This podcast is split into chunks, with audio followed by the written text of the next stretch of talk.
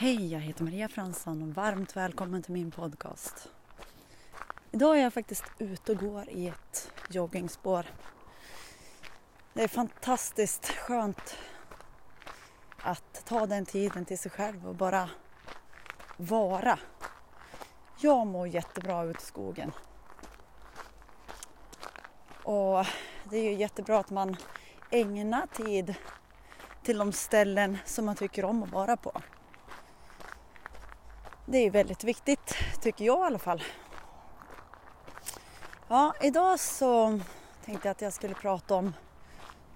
Jag var med, eh, jag kom på att eh, jag blev lite orolig igår. ja, du vet, ungdomar som går ut och så. Och så kände jag, det här vill ha kontroll. Eftersom jag vet, jag har ingen kontroll. Alla har sin livsresa. Även våra barn. Jag blev jätteorolig i alla fall. Tills jag märkte att här var ett mönster. Stoppade mig och eh, verkligen stoppade mig. Jag körde inte bara över utan jag gör massa saker och det var ju bara någonting som ville få lov att kännas.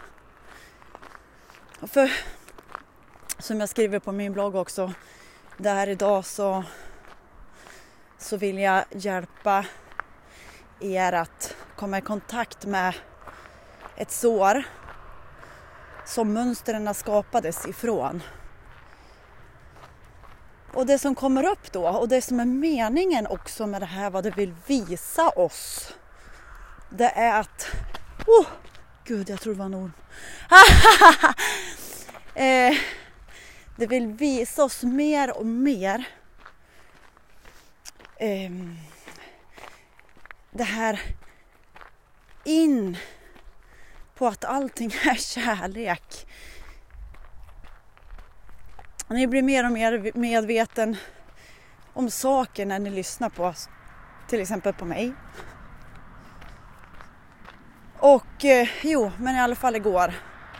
Jag stoppade mig, förstod att när jag märkte att jag gick in i ett gammalt mönster av oro. Åh, tänk om det händer någonting om man är ute och så du vet, ja, hela ramsan. När ni märker att ni är i ett mönster.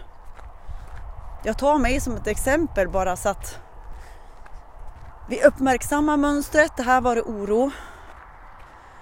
Jag gick in i känslan. Stannade upp mig, tog den tiden till mig själv utan att allting som skulle göras egentligen diska, städas, allt möjligt så sket jag allting en stund.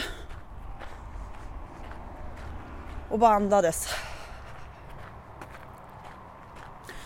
Tog handen på hjärtat. Jag är här. Det finns inget viktigare som man kan ställa sig också i spegeln. Det finns inget som är viktigare än du.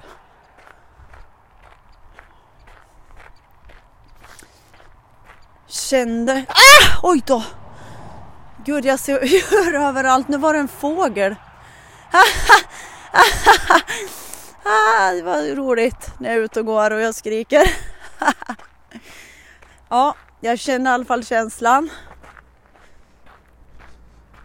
Fullt ut Tills den inte längre var där. Jag gav den uppmärksamhet och den kärlek som den behövde. Och det stöd och det trygghet som någonstans när jag var liten inte hade kunnat ge till mig själv. Men nu när vi är stor och vuxen, jag vet inte hur gammal du är, så kan vi vara den här föräldern till det här lilla barnet som, för vi är inte längre tre år.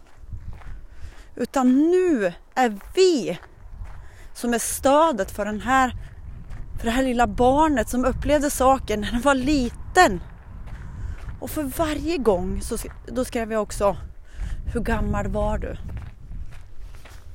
Den frågan kan man också ställa när, man, när det är en känsla som dyker upp först ett mönster, kanske för mig i den delen var det oro. Stoppade allting, finns inget som är viktigare än du. som man kan ställa sig i spegeln och säga. Och fråga det här lilla inre barnet. Och ge den allt stöd som den inte kunde uttrycka sig i och när det inte fanns den tryggheten som man behövde i alla frågor som det här, om, om det var en treåring till exempel. Hur det kändes i någon situation.